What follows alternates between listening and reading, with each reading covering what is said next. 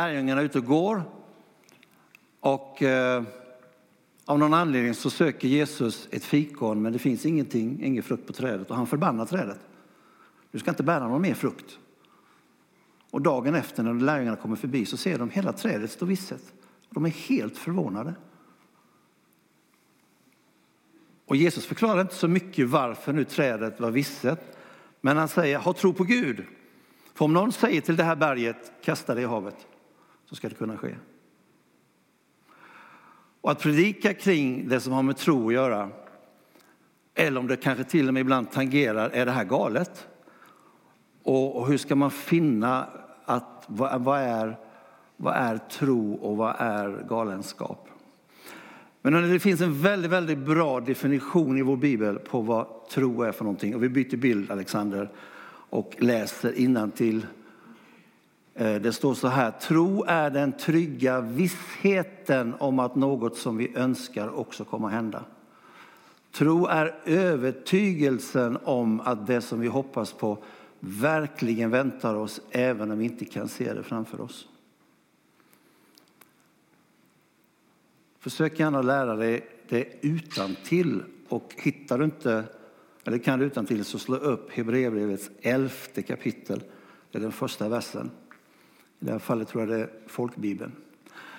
Eh, att jag har bilden på Stefan Holm, ni har ju sett den här innan vid någon tillfälle när jag predikat och jag gillar ju den här för att en del av er kommer ihåg eh, OS i Aten 2004 och eh, Stefan kliver upp och lyckas med sitt sista hopp och han tar guldmedaljen om konkurrenten nu river. Och det gör han. Och Stefan springer tillbaka till väskan, tar upp sin guldtröja. På ryggen står det Holm 1. Och jag har funderat på hur kommer man på idén att trycka en sån tröja innan tävlingen har börjat? Jag tycker att det är tro. Stefan visste nog när han klev in att allt kan hända. Men han hade en väldigt, väldigt stark övertygelse om idag är det min tur att ta guldmedalj. Men det är vi som har tagit emot Jesus i våra hjärtan, vi som har sagt ja till honom. Vi som tror, vi som är övertygade om att det Bibeln beskriver om Jesu död och uppståndelse. Vi som eh, säger till varandra, jo men jag är född på nytt. Jag, jag har tackat ja till Jesus. Precis som Jesus och Nikodemus satt och pratade i Johannes tredje kapitel. Och Johannes, eller Nikodemus förstod inte, vad då bli född på nytt? Och då säger min bibel att, att då beskrivs det som att när vi tackar ja till detta, då är vi i Kristus. Uh, ibland är det väldigt bra när man, man vet att det där ordet har jag hört, eller den här kombinationen av ord har jag hört förr. Ett tips, googla på det. Slå, lägg in det i Google och bara slå och ta reda på hur många olika spännande sidor kommer in på som handlar om att vi är i Kristus. Och vad betyder det? Um, vi kan lyssna till hur Paulus beskriver att vi är i Kristus. Vi tar nästa bild. Och det är hämtat ifrån första Johannes, förlåt, ifrån eh, andra Korinthierbrevet 5. Om någon är i Kristus, då är han alltså en ny skapelse. Det gamla är förbi, något nytt har kommit. Så säger Paulus när han skriver till Korint. Eh, den här veckan som har gått har jag varit eh, mycket faktiskt i andra Korinthierbrevet. Ehm, det är inte min predikan men bara som en liten parentes. Ibland när du läser Paulus brev, läs inte ett kapitel bara och så tycker du att ah, men det var välsignat. Eller en sån där vers, du kan göra det också, det är jättebra. Men ta gärna hela brevet från första kapitlet till det trettonde och läs ditt sammanhang. Eller än bättre som jag tycker om, jag sätter på ljudbibeln.com. Han har en fantastisk röst han som läser och så läser han hela andra Korinthierbrevet och jag bara lyssnar. Då får du ett sammanhang av lite mer kring hur Paulus tänker. Men där i andra Korinthierbrevet eh, så skriver han bland annat så här att om någon är i Kristus så är vi alltså en ny skapelse. Och du är i Kristus och jag är i Kristus om vi ständigt vill leva i den processen att vi ska leva i den här förnyelsen. Det handlar inte bara om att säga att jag gick med i en församling för Om det är ingen som säger hundra år sedan, men för många år sedan. Och det är det jag står på. Det håller inte. Utan frågan är, hur ser min, mitt liv ut med Jesus den här morgonen när jag kliver upp? Att leva ständigt i en förnyad process. Du är i Kristus absolut om du låter Guds ord leda dig och bestämma. Därför ska vi vara mycket Guds ord. Eh, och jag vet ju, för jag har varit där så många gånger, ibland går det långa, långa perioder och vi har inte, kommit på, jag har inte ens öppnat Bibeln. Och då blir det lite fattigt, hörni. Och när vi helt plötsligt börjar och kanske tar lite mer till den så känner vi att men det här är ju bra. Jag upptäckte i veckan andra Korinthierbrevet på ett alldeles nytt sätt. Och jag ska inte landa där idag, men jag bara nämner det. Du är också i Kristus om det är som så att du förenar med att känna att du är barmhärtig och full av kärlek. Paulus säger på ett annat ställe att om, om du så kan profetera och visa, om du visste alla hemligheter, om du ägde all kunskap, om du hade all tro, till och med så att du kan förflytta berg, men du har ingen kärlek, då betyder det ingenting, säger han. Du kan alltså vara rikt begåvad, duktig sångare, kanske en fantastisk evangelist. Du kanske till och med har helandets gåva och människor blir friska när du ber för dem. Du förflyttar berg, du undervisar fantastiskt. Men Bibeln säger att om du saknar kärlek till dem du möter så betyder det ingenting. Johannes skriver också så här om att just vara i Kristus. Om vi älskar varandra så förblir Gud i oss och hans kärlek är fullkomnad i oss. Genom detta känner vi att vi förblir i honom och han i oss, för han har gett oss av sin ande.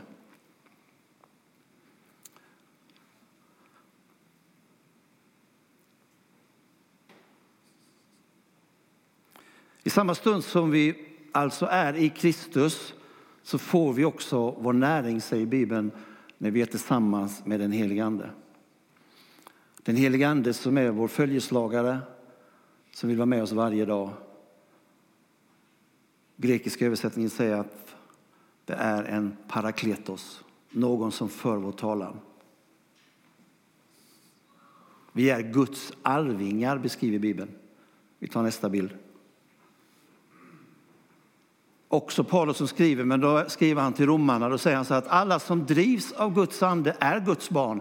Ni har inte fått slaveriets ande så att ni på nytt måste leva i fruktan. Nej, ni har fått barnaskapets ande och i honom ropar vi Abba, far. Anden själv vittnar med vår ande att vi är Guds barn. Och är vi barn så är vi också arvingar. Guds arvingar och Kristi medarvingar lika visst som vi lider med honom för att också förhärligas med honom. Romarbrevet 8. Du och jag går till kyrkan idag och vi har ju med oss därför att vi har så mycket undervisning genom åren. Vi har hört så mycket och ni kan så mycket redan. Så man kan ju egentligen säga, behövs det mer undervisning? Men det här är sådana där sanningar som vi behöver stanna upp vid ibland. Det är så här Gud har tänkt. När vi tackar ja i gemenskap med Jesus så är vi i Kristus. Gud i oss, Kristus i oss. Och han säger, ni är faktiskt Kristi medarvingar till allt vad jag har förberett.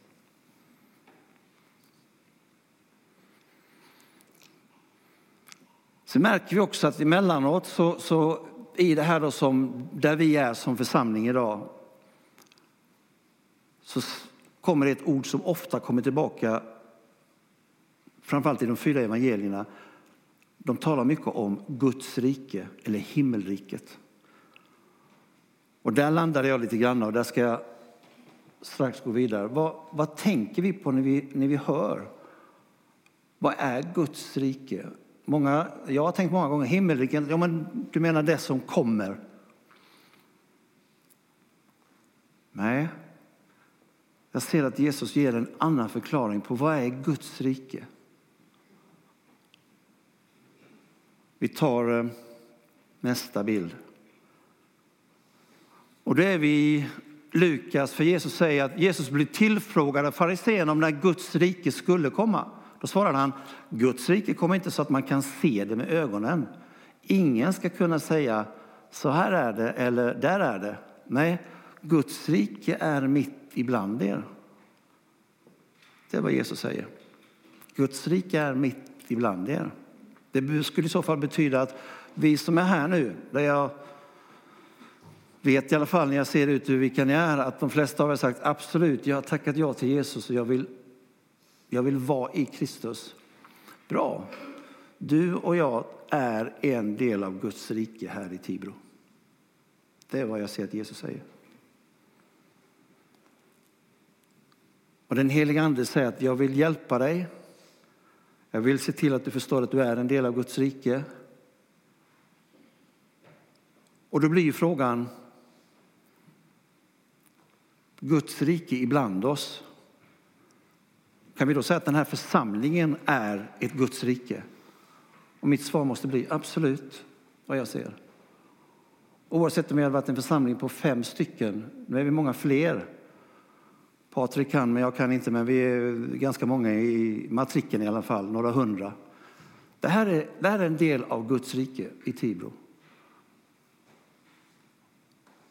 Och sen har vi kyrkan och så kan vi räkna upp de olika kyrkorna. Och så har vi de som kan säga, jag är inte ens med i kyrka, men absolut, jag har tackat ja till Jesus och jag bor i Tibro. Och då är mitt enkla svar, vad roligt, du är en del av Guds rike. Det är vad jag förstår att Jesus säger i Lukas.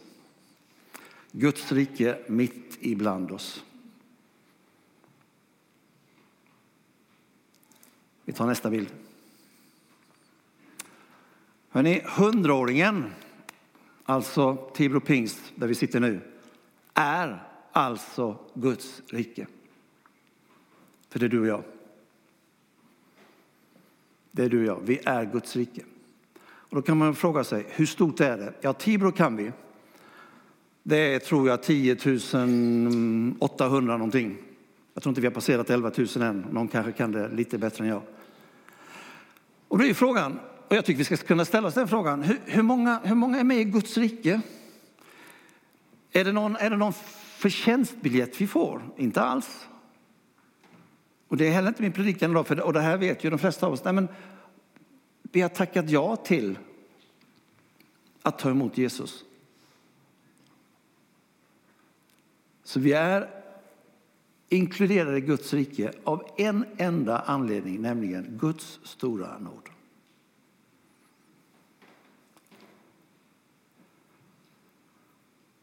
Och när jag då lyssnar till dig Hans som du inleder och när jag hör eh, att olika saker sker och lite nu nya former sker. Måndag förmiddag, orgelfrukost, bastun. Ni möter vanliga Tibrobor. Ni som är där, vi som är där, för det var din uppmaning Hans, kom gärna med. För det var ingen, det var ingen VIP-klubb på bastun jag förstår va? Eh, du sa inte om det var både för damer och herrar i och för sig. Det var det ja, till och med det ja. ja du har inget bekymmer. Ta med dig dina fina badbyxor och, och upp till Ankås. Du kommer möta fler Tibrobor och frågan är ju de du möter i bastun, är de med i Guds rike eller inte? Jag är inte säker på att du ska ställa den frågan till dem. Men bara det att du är där, så säger min bibel, du kommer att dofta Guds rike. Nu tänkte jag inte bastusvett här alltså, om någon satt och tänkte. Det var inte det jag syftade på. Utan min bibel säger bara vi möter människor så vi doftar himmel. Och det är ju precis det här som, som är vår stora utmaning. Kan, kan det ju heta bättre än tillsammans? Vi är Tibro. Och det är bara frågan då, 10 800. Om vi skulle gissa då, hur många har sagt att, men, vadå Guds rike, jag vet inte ens vad det är och vem bryr sig? Ja, det är en majoritet i Tibro som nog skulle säga det. Jag, jag har inte ens funderat, jag är inte ens intresserad av det. Jag går inte till någon av kyrkorna och jag har varken tid och jag förstår inte ens vad det är för någonting. Är det kanske 800? Eller kanske 1000 eller 1200? Jag vet inte. Och då är bara frågan, hur angelägna är vi, du och jag nu som hundraåring, att fler ska komma med i Guds rike? kan byta bild. När vi tar det här perspektivet och, och liksom sitter på höjden och tittar ut. Vad tänker vi och vad ser vi? Vilka saknar vi i Guds rike? Var finns de? Har vi en aning om varför de inte är med i Guds rike? Jesus sa att Guds rike är mitt ibland er. Vi kan ta en bild till. En skön sommardag ute i Blombacka, Bråbacka. Och så har jag fuskat lite med bilderna. Men jag tog den här ändå. Eh, ganska tomma, tomma vägar. Det är någon som går där med några hundar. Alltså vilka är på väg in i Guds rike? Fråga på den här bilden. Är det en tom väg, Tibro? Eller vad ser du?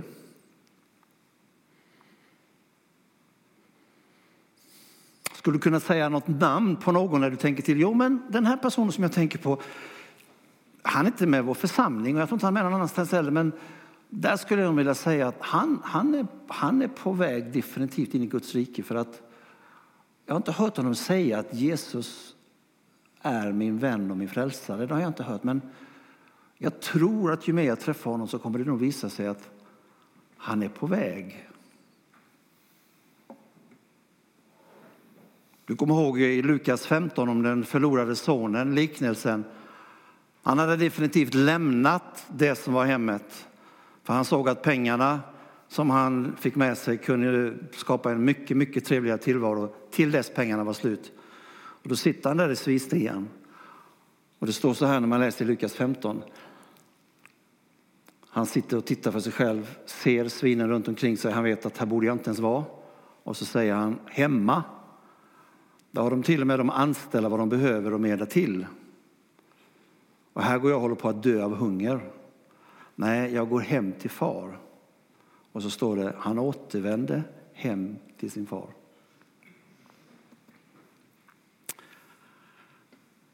Det är det här min predikan handlar om idag, alltså Guds rike i Tibro.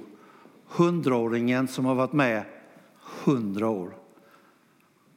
Och vi nickade rejält nyss när vi sa absolut, hundraåringen är på väg framåt. Det måste väl betyda, vänner, att vi har lusten, ambitionen, idén, tanken med att Guds rike ska växa i Tibro. Antingen skaka nu på huvudet eller nicka. Ska det växa i Tibro? Ja, Katrin vad du nickar och flera. Det ska växa i Tibro. Och då handlar det inte om att vi ska ge upp våra arbeten eller ta anställning i kyrkan. Här har vi Karo, här har vi Bengt och vi har andra som anställer våra kyrkor. Nej, du är precis där du är. Därför att antagligen, om du nu trivs där du är och du upplever här ska jag vara, då ska du bara säga att perfekt, jag ska fortsätta vara där. Och jag ska göra allt vad jag kan för att Guds rike ska växa vidare. Vi kan byta bild. Du får tre bilder här. Vi tar nästa, Alexander. Den, ja. Tack. Eh, jag ser att det syns eh, lite dåligt här för vi har ljuset på, men jag ska ändå beskriva bilderna om du inte ser dem så tydligt. Eh, där borta har vi Magnus Karlsson. Ehm, han har varit pastor i Jönköpings pingst ganska länge. Idag är han mental coach för HV71 på heltid vad jag förstår. Och så driver han sitt företag och så är han ute och, och föreläser en del. Eh, han är glad som en spelman, Magnus, där han står med pucklan, för det var då när HV hade tagit eh, SM-guld igen. Eh, och det ser ut just nu som de är på väg rejält uppåt, eh, vännerna. Men eh, jag tog med den bilden därför att då tänker jag på, inte HV71 utan på Tibro. För vi har ju så mycket människor runt omkring oss. Och vad säger vi till exempel om Tibros alla idrottsarenor? Jag möter älgen, Kenneth Eriksson möter jag nästan varje vecka. Det är lika roligt varje gång. Han är konfalerare, Kenneth. är riktigt bra konfalerare. 14-åringar gillar honom. Han är bra. Och han är Mr Fotboll i Tibro. Har varit länge. Och vi har en riktig fantastisk idrottskommun. Absolut.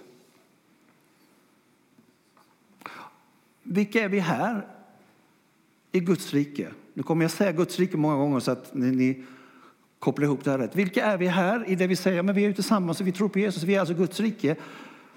Vilka är vi, ni, som säger ja, men jag är ju oerhört engagerad där ute i idrottsvärlden. Jag är med som ledare, jag sitter i styrelsen, jag är aktiv själv.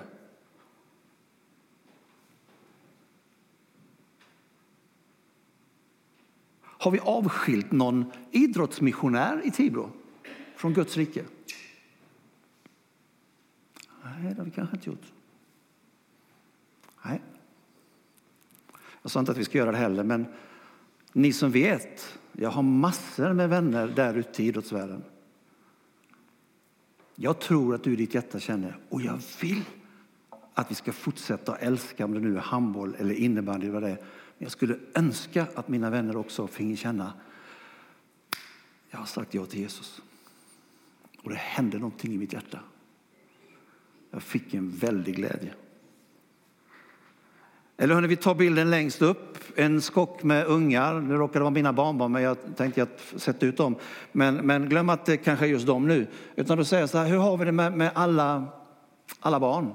Absolut, tänker du barnriket? Yes, välsignelse. Det har vi varje söndag, fast inte idag. Eh, silverklangen. Reidun sitter någonstans. Eh, absolut, ni möter dem. Vad har vi deras föräldrar? Ja, men här har vi ju kontaktytor. Absolut. Ungarna som går på Smuleberg, Häggetorp, Nyboskolan.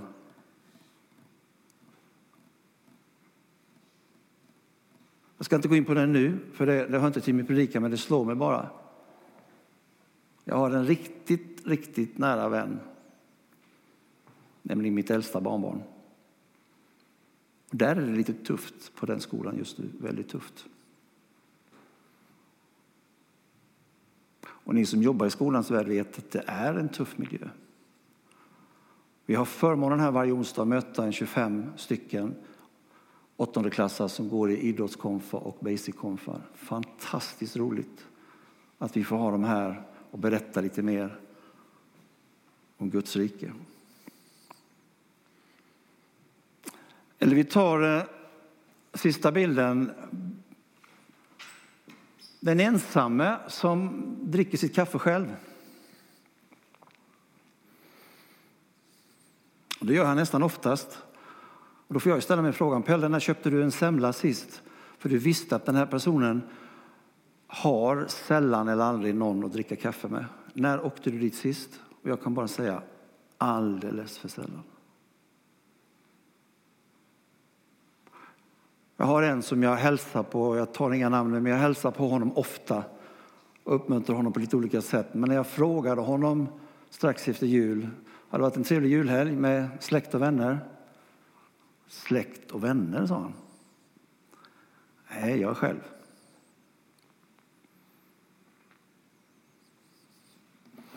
Jag behöver inte fördjupa mig med det, för du, du förstår vad jag menar.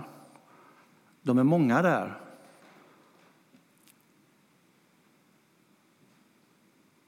Om Hans och Jonas kommer och säger, hörni, det räcker inte med tre gubbar, killar, bäst att säga då Jonas så du inte tittar ut på mig, eh, på den här tillsammansaktiviteten, för de börjar bli hundra nu. Jag kan inte köra hundra stycken till Skövde varje vecka. Vad sjöng vi? Driv oss ut att bygga broar för att möta en imorgon dag. Är det okej, okay, Hans och Jonas, om det blir hundra på tillsammans? Ja, bastun blir trång, men vi får väl hitta på något då. Vi byter bild. Hörrni, vi är en fantastisk församling, inte bara här utan i Kumenia, Kroppetorp och jag inkluderar allihop. Det är fantastiskt Guds rike som pågår i Tibro. Men vi måste ställa oss frågan, vi ska gå vidare, men hur ser vägen ut? Och vad är Guds plan för de kommande åren? Vad är Guds plan? Hur ser resan ut? Vad hör vi att Gud ber oss om? Ja, men säger någon, jag vet Markus 16, liksom där sista kapitlet, det står ju att gå ut i hela världen och predika de goda nyheterna för människorna. Och lärjungarna gick ut överallt, står det, och predikade de goda nyheterna. Och Herren var med dem och bekräftade vad de sa genom de under som följde. Jag är övertygad om att Gud vill visa oss det som är det allra bästa för att Guds rike ska växa i Tibro. Och genom den gemenskapen vi har, inte bara i vår församling utan med alla troende i Tibro, när vi möts i gemenskap, när vi samtalar med varandra, när vi framförallt ber tillsammans, så är jag övertygad om att Gud kommer att visa hur Guds rike kan växa. Och nu ska jag ge ett exempel. Och det här vet jag att jag har visat för en del av innan, men jag tänker visa det i alla fall för att uppmuntra oss i, som ett exempel. Hur kan det se ut när Guds rike får en riktig, riktig framgång? Alltså det växer rejält. Vi byter bild.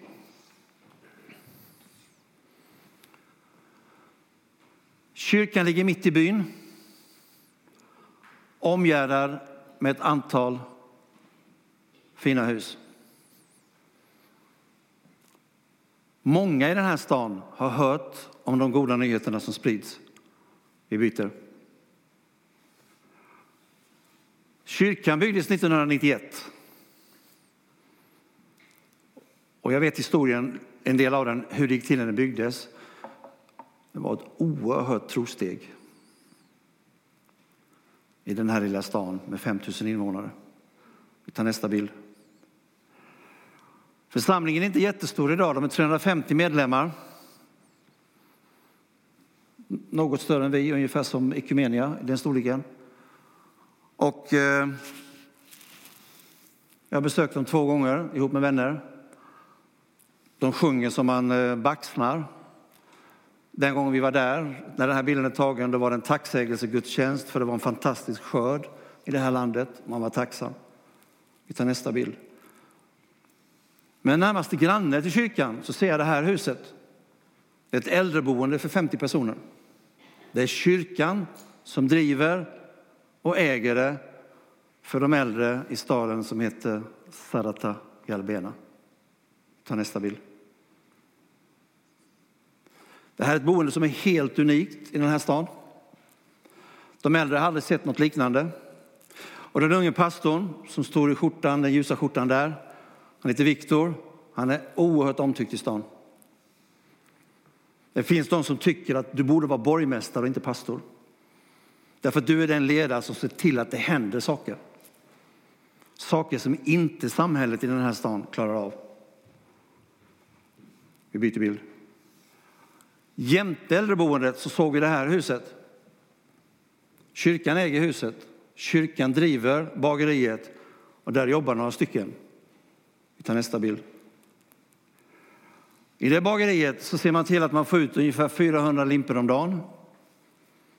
Den som har råd betalar när man kommer dit. Den som inte har råd får oftast ett bröd. Kyrkan äger bageriet, kyrkan driver bageriet. Vi tar nästa bild. After school. Varje dag så är det 80-100 elever som kommer till en sidobyggnad som ligger bakom. Det är byggnad nummer fyra. Och när de väl har eh, fått eh, ett mål mat innan de går hem till sina betydligt fattigare hem. Jag har sett en del av de här hemmen och där vill inte varken du eller jag, Anders, att hundarna ska bo, det kan jag säga. Um, ungdomarna, barnen kommer till, dit efter skolan. Lärarna följer med, oftast. Hjälper dem med läxläsning. Ger dem ett rejält mål mat. Och de i kyrkan berättar de goda nyheterna för barnen. Och innan de går hem så får alla med sig en påse med en limpa.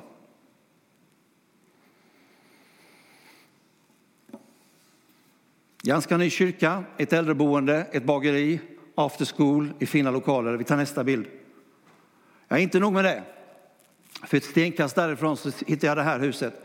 Ett hem för funktionshindrade ungdomar. Kyrkan äger och driver det.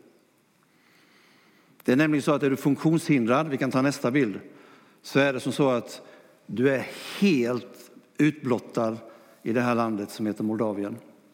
Det är ingen som bryr sig om de här vännerna. Eh, det finns inget skyddsnät. Och då har, och det här är Viktor Pavlovski som är biskop för hela pingstunionen i Moldavien. Vi träffade honom för ett par veckor sedan, en fantastisk herre som i sin ödmjukhet säger Guds rike växer inte, säger han, bara på en dag. Det tar tid. Men han har fått vara med om, han vet hur det var 91 när kyrkan byggdes. Och nu när han ser de här ungdomarna, och jag har både film och annat om det här som berättar, då blir min fråga, hur mycket klarar en församling av för att Guds rike ska växa? Ja, inte nog med det, vi tar nästa bild. Ni har sett honom innan. Det är Alexi. Han eh, fanns i sitt eh, boende, men han, eh, vi tar nästa bild. Han vill inte bo där inne. Du kanske kan förstå varför. Och dessutom var det så att han kom inte in för han var förlamad från midjan och neråt, så han satt i sin säng när vi kom där. Unge pastor Viktor hade med sig eh, bröd, yoghurt och lite annat och jag såg den här ynglingen. Vi kan gå tillbaka till förra bilden så ni får se honom igen. Alltså de ögonen, de, eh, de var fantastiska. Jag kommer inte ihåg Gunilla, men det var, jag tror det var hösten 16 det här. Om jag kommer ihåg rätt, vi var där. Och jag frågade om jag fick ta en bild.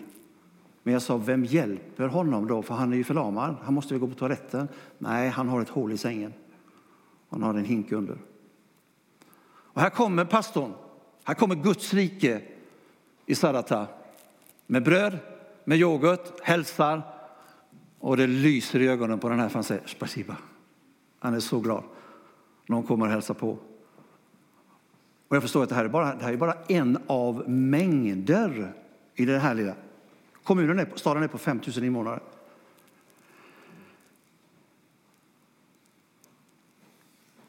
Vi tar nästa och så går vi, hoppar över den nästa, sa jag.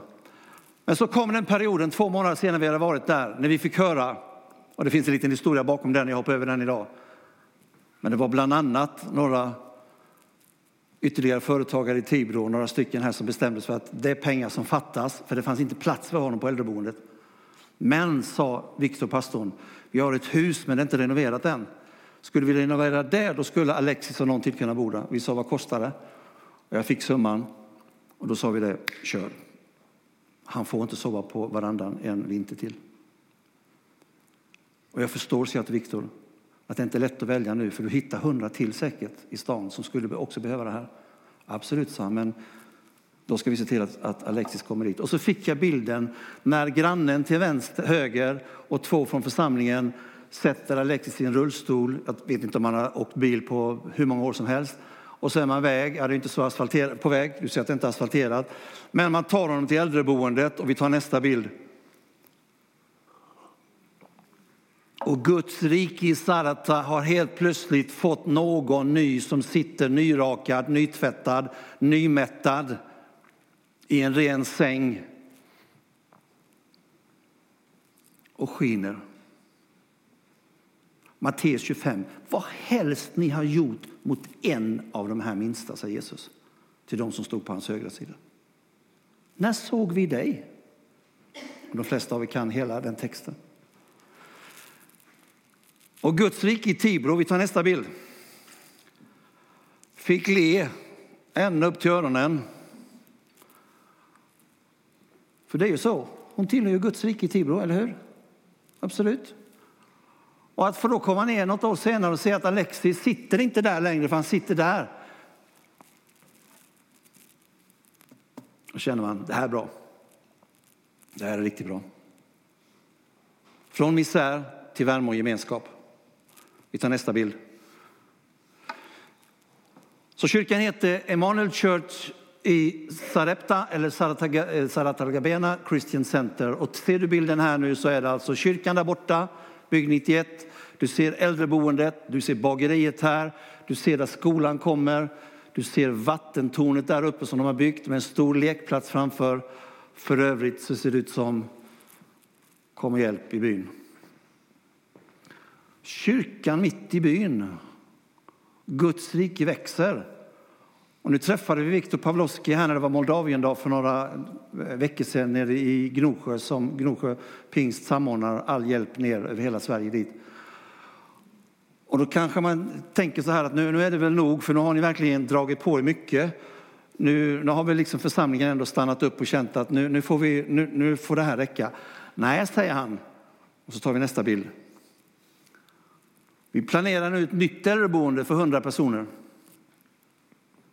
Vänta lite, sa jag inte att det var en församling på 350 stycken? Inte i Europas rikaste land, va? Nej, det var Moldavien, Europas fattigaste land. Men hur i all sin dag lyckas man? Det är inte dagens predikan, utan det är del två och den kommer den 28 april. Så det ska jag inte gå in på. Men jag konstaterar bara att när jag ser den här bilden, och den bilden har Viktor haft så länge framför sig, men han hade ingenstans där han såg att det skulle vara. Men den skola som låg granne när de köpte kyrktomten, där skolan sa, ni får inte vara här. Det ska inte vara någon kyrka här. Men då blev det, den skolan måste nu lägga ner, för de får inte ihop det här mer. Så hela den tomten, jag tror det är ett hektar, det stämmer att det är 10 000 kvadrat, va? Ni som kan, är det ett hektar? Någon som nickar? Ja. Så nu har man köpt hela den tomten och nu börjar man planera för det här.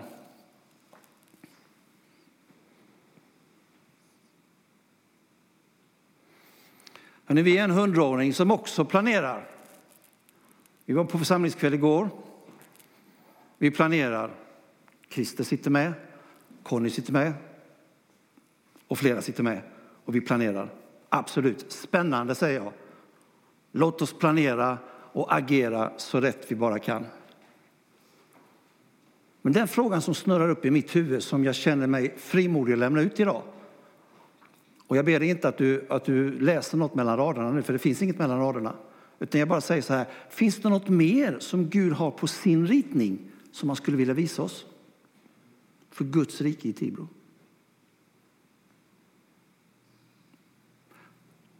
Hoppas du hörde rätt, men jag sa inte istället för, för jag sa spännande det vi planerar.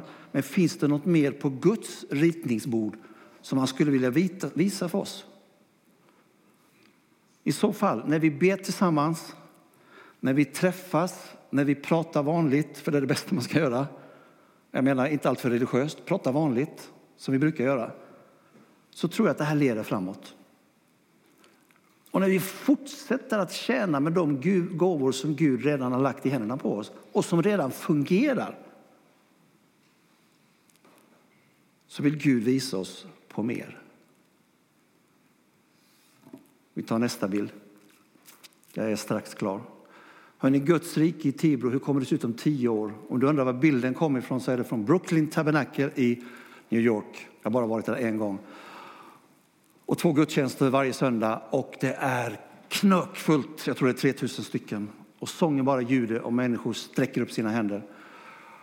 Och det var fantastiskt att känna, är jag en del av det här riket? Absolut. Fast inte här i New York utan hemma i Tibro. Vad är det vi ser framför oss när vi tänker tio år framåt?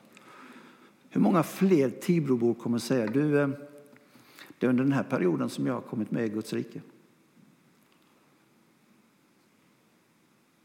När vi hade bön strax före gudstjänsten här så berättade vännerna Alf och Marita om någonting från sin Faluntid där någon då, ja men det var ju ni, vad roligt, det är ju ni som var med när vi kom till tro, ungefär va? Hur roligt är det inte att höra det när man möter gamla vänner? Ni var med när vi tog klivet in och bestämde oss för att vi vill vara en del av Guds rike. Hur många Tibrobor kommer att säga om tio år, jag tillhör Guds rike? Och sista bilden. Det här är en riktig Patrik Conny-bild. Alltså sådana, och, och Cedving och sådana som gillar att vara ute där det är tuffa backar och annat. Men hörni, jag hittade en bild på, på han till vänster och han som försöker ta sig upp. Det är inte Vemdalen, det är någonting annat. Och när jag såg de här bilderna så ställde jag mig frågan, vad är tro och vad är galenskap? Det var så jag inledde. Är det inte galenskap till vänster? Frågar du den killen så säger han, nej, nej, nej, det här är det roligaste jag vet. Och du, jag är inte ens rädd. Ja, men, men du, det är ganska långt ner. Ja, ja men du ser, jag är, jag är förberedd, jag har mina grejer. Och han där uppe till eh, höger, men snälla någon, du kan ju få allt över dig. Hörrni, vilka är de utmaningar som vår församling kommer att anta för att vi på ett konkret sätt framöver ska visa att de goda nyheterna ska inte bara berättas, de ska också berättas. Men vi ska visa att det Jakob säger i sitt brev stämmer, nämligen var inte bara ordets hörare utan dess görare. Och sen säger han, annars bedrar ni er själva. Så jag avslutar med att säga att eh, hundraåringen går vidare. Vägen kan komma att vara krävande. Kanske branta väggar som ska bestigas. Snöbelagda sluttningar som vi funderar på. Ska vi klara det här? Men jag vet, precis det jag skriver längst ner, att hundraåringen kommer att fortsätta sin väg ända till målet. Amen. Tack Herre att vi är samlade i ditt hus idag. Tack för alla goda vänner som sitter här i bänkarna och alla säkert också vänner som kanske är ute på webben och lyssnar. Tack för att du den här söndag förmiddagen uppmuntrar oss framför allt, Herre. Du uppmuntrar oss genom att säga, hörni, glöm inte att ni tillhör Guds rike. Ni är i Kristus. Ni har tackat ja till det jag gjorde på korset och när jag uppstod. Och jag har samma enkla budskap till er som jag hade till lärjungarna. Gå för den skull ut. Herre, jag ber om vishet, jag ber om klokhet för den här församlingen så att vi för det första, Herre, vågar tillsammans i samtal och bön fråga oss, Herre, vad är dina ritningar? Hur ser det ut? Hur ska vi göra på bästa sätt? Tack för allt som planeras. Tack för allt som vi brinner för och som vi känner för. Tack Herre för att vi finns i Tibro. Tack för alla människor som är fantastiska och vi kanske inte ens vet tillhör de Guds rike eller inte. Tack för att du inte har satt oss till att sätta stämpel på det Herre, utan du har bara bett oss finnas där och berätta om de goda nyheterna. Och det vill vi fortsätta med. Amen.